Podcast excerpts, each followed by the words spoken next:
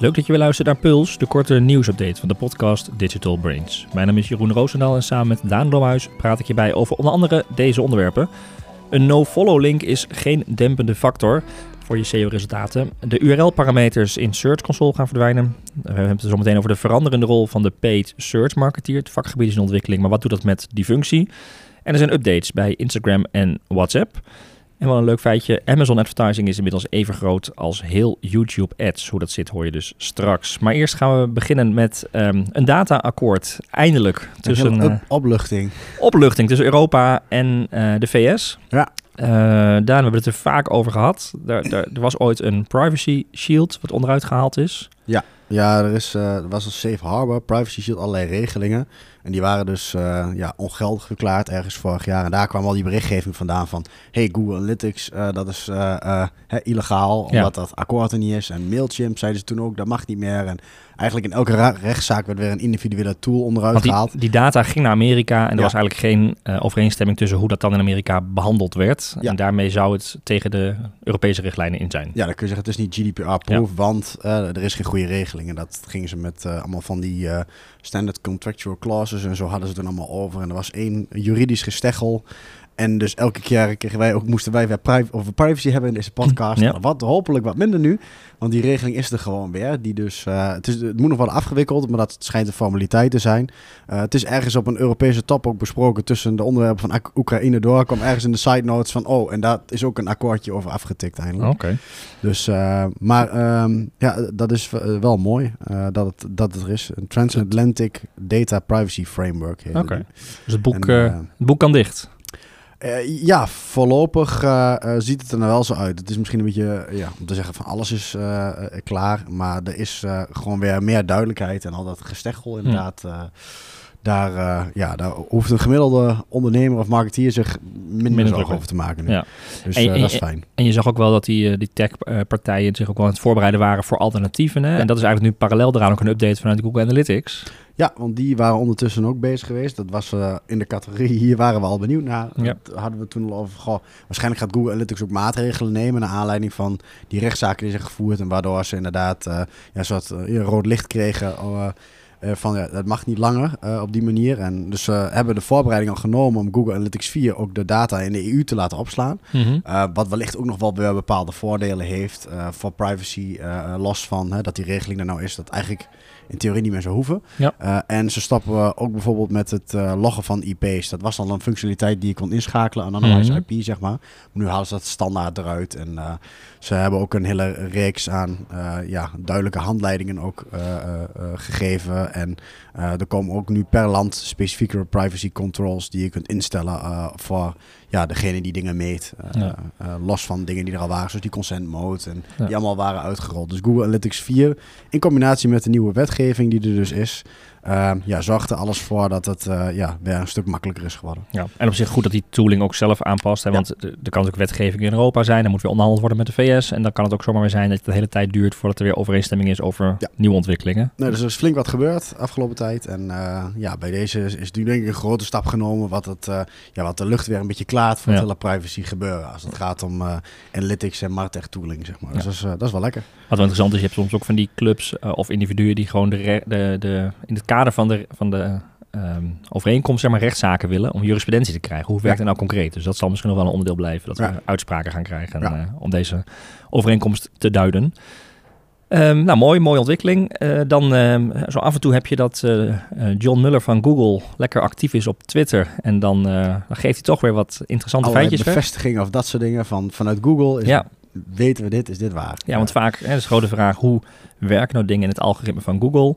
Eh, en John Muller, eh, nou ja, af en toe deelt hij dat op, eh, deelt hij daar wat over, op Twitter over. En als hij dan actief is, dan komt er in één keer heel, heel veel uit. Onder andere bijvoorbeeld dat dus de no-follow linkjes vanuit een externe site. Bijvoorbeeld als je aan het linkbeelden bent of je koopt een, een advertorial in. Mhm. Ja. Dan was de angst, als je te veel no-follow links hebt, dan zou dat negatief kunnen uitpakken. Maar daarvan zegt Muller dus dat dat in principe geen dempende factor is. Dus een no-follow attribuut op een link, eh, dat zou die waarde dus niet moeten, eh, moeten minderen. Ehm, en het, ehm, het geeft totaal geen krediet of waarde aan de link, maar dus ook niet negatief. En dat was, uh, daar werd wel vaker over gespeculeerd. Dat het toch effect heeft. Zelfs een no-follow link op een waardevol domein. Of inderdaad veel advertenties of advertorials. Dat het inderdaad een negatief invloed zou hebben. En dat hebben ze nu dus gewoon gezegd. Nee, is niet zo. Nee. Nee, dus dat in ieder geval ook niet positief, maar nee, ook niet negatief. Geen dempende factor, het is gewoon echt gewoon compleet nul. Wordt gewoon compleet genegeerd, ja. De geruchte wereld uit. Zeker. En volgens mij gebruiken veel uh, marketeers de functie van de URL-parameters in uh, Search Console. Uh, maar die, die tool die gaat afgeschaft worden en dat is al vrij snel. Eind april gaat die eruit. Um, en dat doen ze omdat ze, de, tool werd overigens in 2009 gelanceerd, dus best wel jarenlang mee gewerkt. Maar zij geven zelf aan dat zij veel beter, hè, dat Google veel beter is geworden in het raden welke parameters nuttig zijn uh, op een site en welke nou ja, nutteloos zijn. Ja, dan moeten we even uitleggen denk ik wat parameters zijn. Ja, goeie. Uh, de toevoeging eigenlijk aan een... Ja, dat met inderdaad de URL staat dan vraagteken en de zoekopdracht is, dan staat de Q is en dan de zoekopdracht die in de zoekbalk heb gedaan. Of vaak zie je ook eigenlijk is het ook niet echt een best practice om met parameters uh, volgens mij te werken. Want dat zou bijvoorbeeld een filterinstelling kunnen onthouden. Dat je zegt, en de categorie van de filtering is op dit moment, weet ik veel wat, honden of zo, als je een dierenwinkel hebt als het ware. Ja. En dan uh, weet Google nu zelf goed in te schatten inderdaad of dat het echt invloed heeft op de content of niet.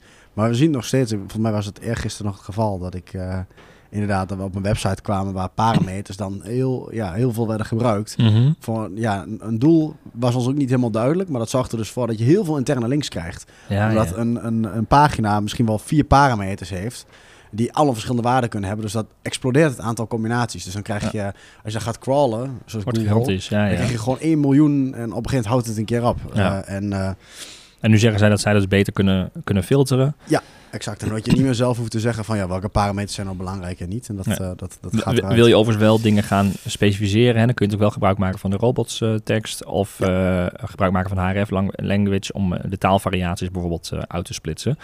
Dus dat wel, maar de rest ja, zal Maar er zijn ook andere, daar is ook inderdaad andere tooling voor gekomen met reflang tags, je ja. dat goed doet. En parameters zeggen gewoon ook geen best practice meer. En zeggen al van als het er al is, dan kunnen we het zelf gewoon inschatten. Ja, ja. Nou ja interessante uh, aanpassing. Um, ja, ik zei bij de introductie al, die, het, het vak van uh, de advertising marketeer of de paid search marketeer, die, uh, die verandert. de ontwikkeling in het vakgebied zelf, maar dus ook de functie van, ehm, van die medewerkers, van die marketeers. Um, en wel interessant, de FIA die heeft een, een uitgebreid onderzoek gedaan, grootschalige enquête onder search specialisten. En dus inderdaad ook gevraagd van waar denken jullie dat het vakgebied naartoe gaat? In een um, heel interessant artikel en ook een, um, een uh, infographic. Ja, en ook uh, van waar ze gebruik van maken, wat ze in het vakgebied en zo, wat, ja. wat er speelt. Dus ook ja, ontwikkelen automation bijvoorbeeld ja. hè, en, uh, en de intelligentie. Um, en dan zie je vooral dat het, hè, de grote trend is dat het, het, optimaliseren wordt minder, omdat er veel met automatisering gedaan kan worden. Maar het wordt minder als een bedreiging gezien, omdat er de vrijgekomen tijd kan effectiever besteed worden aan bijvoorbeeld strategische werkzaamheden, consultancy en innovatie. Ja, en ook veel met data en techniek. Hè? Dus ja. inderdaad dat je de data te koppelen ja. en slim te combineren. Dat, uh, ja, en wat me nogal opviel inderdaad, dat ook het, uh, het smart bidding, smart uh, shopping en ook technieken zoals die responsive search ads ook echt ja, heel populair zijn geworden. En dat is echt wel een verschil uh, met, uh, ja, waar het uh, een aantal jaar geleden nog redelijk werd gewantrouwd, geloof ja. ik. Van die data van Google en die slimme campagnes. Ja, Iedereen we, nu zegt We doen het zelf, maar nu zeggen ze Google kan het beter inderdaad. Ja, nu geven collectief, zeggen ze allemaal van... nee, dit is nu echt een, een volwassen technologie. Iedereen gebruikt dit en... Het, uh, ja, het zit ja. vooral uh, in, de, in de slimmigheden en het gebruik van data in plaats van handmatige campagne-optimalisatie. Ja. Maar ze, ze, ze ervaren dus ook wel de steeds verdergaande beperkingen hè, in die inzichten en controle. Het is minder goed te zien uh, wat er nou binnen een campagne gebeurt. Dus ook een soort black box. Ja.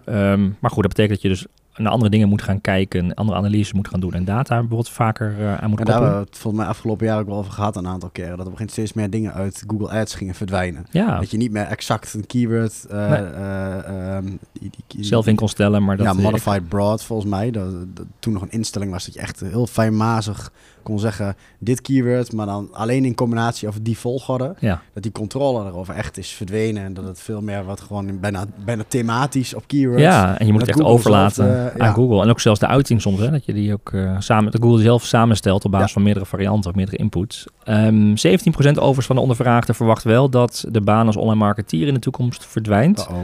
Um, ja, en 13% verwacht dat die juist wel blijft bestaan, maar dat de werkzaamheden verschuiven van ja. operationeel naar tactisch en strategische vraagstukken. Ja.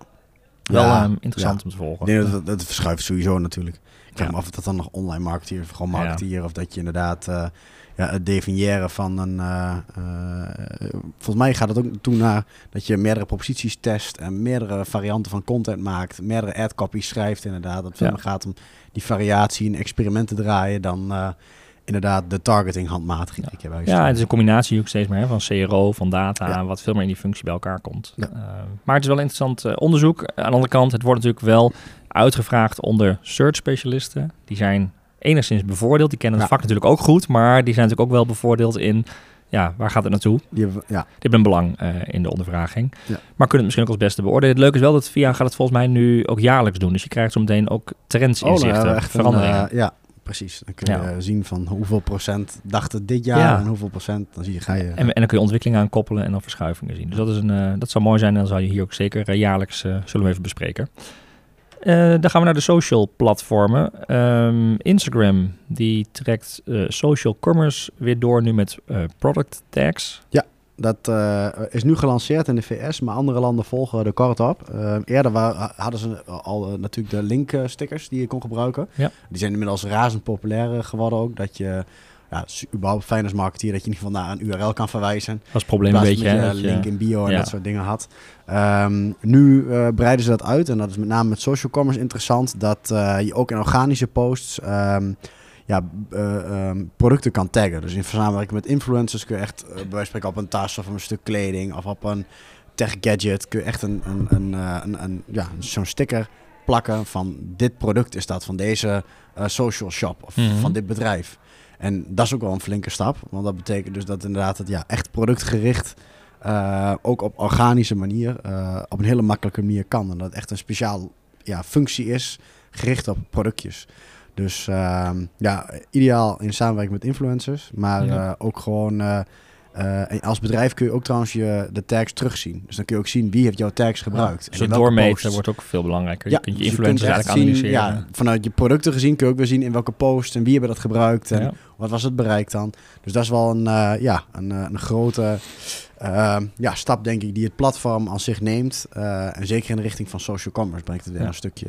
En, en denk je, los van inderdaad de adverteerders, dat het ook voor de gebruiker wel een toegevoegde waarde heeft? Eh, want ergens Ja. is het ook wel dat er een stukje frictie weggenomen wordt voor de gebruiker. Als ja, je ik denk, ziet. ik zou het zelf ook wel prettig vinden. Want ja. ja, als je iets ontdekt of iets ziet, ja, eh, eh, prima toch? Ik, ik zie er geen bezwaar in. Het is wel redelijk klikken. commercieel, maar eh, ja, ik denk het wel. Ja. Ja, dan? Zou je dat... eh, Ja, ik denk ook inderdaad wel dat je nu, nu, ik vind het vaak nu de frictie dat je op zoek moet naar een link in de bio of je gaat Ja. erop naar googlen of weet ik veel wat. En nu eh, zou je er zelf op ook voor die links ook een vooruitgang. Ja. Dat je, je zou die natuurlijk wel het Instagram-browsertje, zeg maar. Ja, dus je sluit weer terug in de eh, feed. Ja, Ja.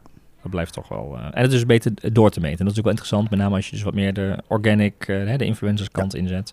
Los van de advertising is dat. eh, Ja, anders De- is het ook gewoon lastig om conversie te krijgen. Blijft het toch vooral bij zichtbaarheid en eh, echt word of mouth of eh, ehm, eh, codes of referral links inderdaad. Als je nu gewoon directe producten en ook statistieken kan zien daarvan. ja, voegt echt wel wat toe. Dat betekent wel dat influencers nog kritischer bekeken en geanalyseerd gaan worden. Ja. Waarschijnlijk hoe de resultaten zijn per influencer. Ja, ja. maar ja, interessante toevoeging. En dan misschien een beetje een, een, ja, een zijstapje daar, maar ik vond het toch wel interessant om even met jou over te sparren.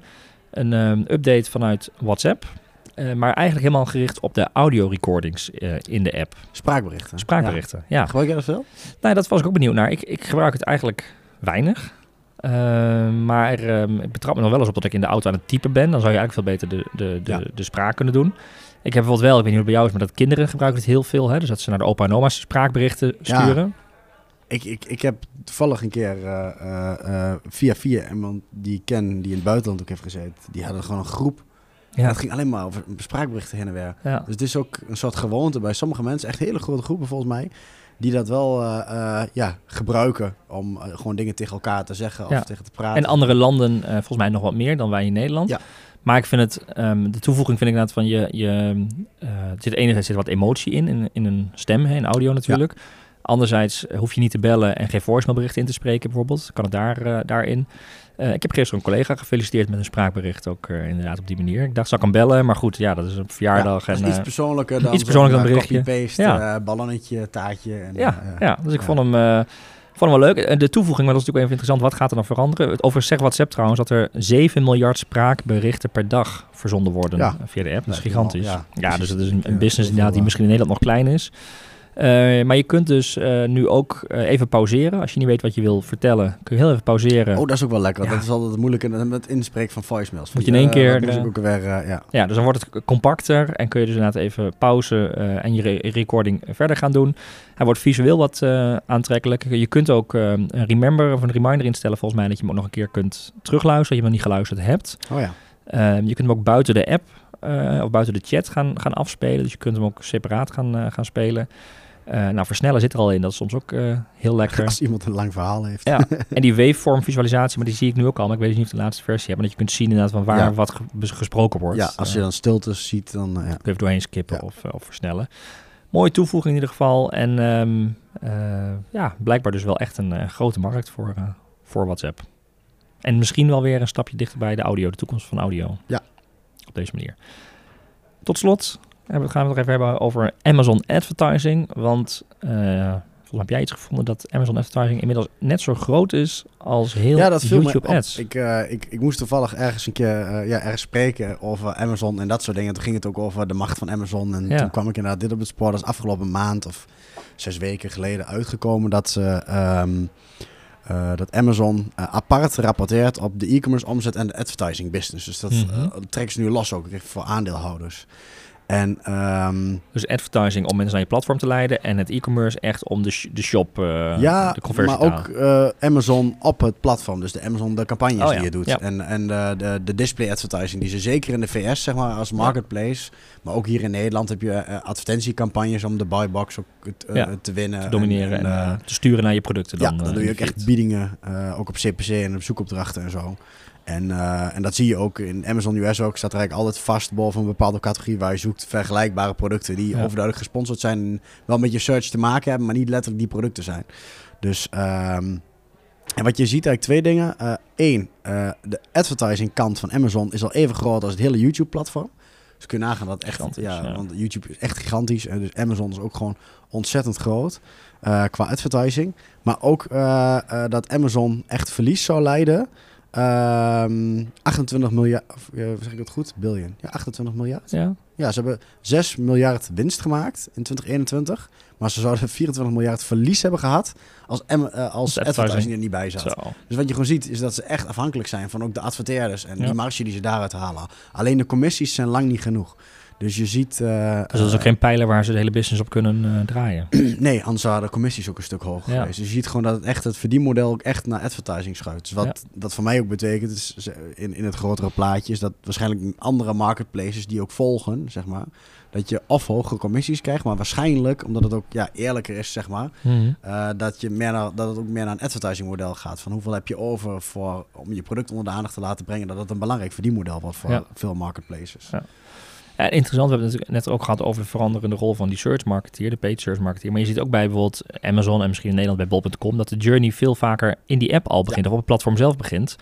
Dus dat Google overgelaten wordt, dus dat, of overgeslagen wordt. Dus dat je als marketeer veel dominanter aanwezig wilt zijn eh, op Amazon. Ja, dat is ook eigenlijk een, eigenlijk een, een paid search eh, Ja. kanaal in die zin. En je hebt inderdaad steeds meer discovery eh, campagnes ook op Amazon. Wat dus wil zeggen inderdaad dat je een, een doelgroep die nog niet actief zoekt naar je product ook kan, Kan inspireren en bereiken kan- en inspireren op de homepage of in, in categoriepagina's. Of, je kunt die ook funnel kunnen- ook op, eh, op een Amazon zelf bouwen. Hè? De See It Do Care Ja, funnel, funnel bij precies. wijze van spreken. ja, Ja. ja. Ja, en eh, ook dat ze eh, gewoon geld aan het verdienen zijn aan van die hele speciale branded pagina's. Dat je als merk een eigen categorie en eigenlijk een soort eh, ja, shop-in-shop kan hebben bij Ja. Amazon en zo. Dus daar verdienen ze ook eh, weer wat aan.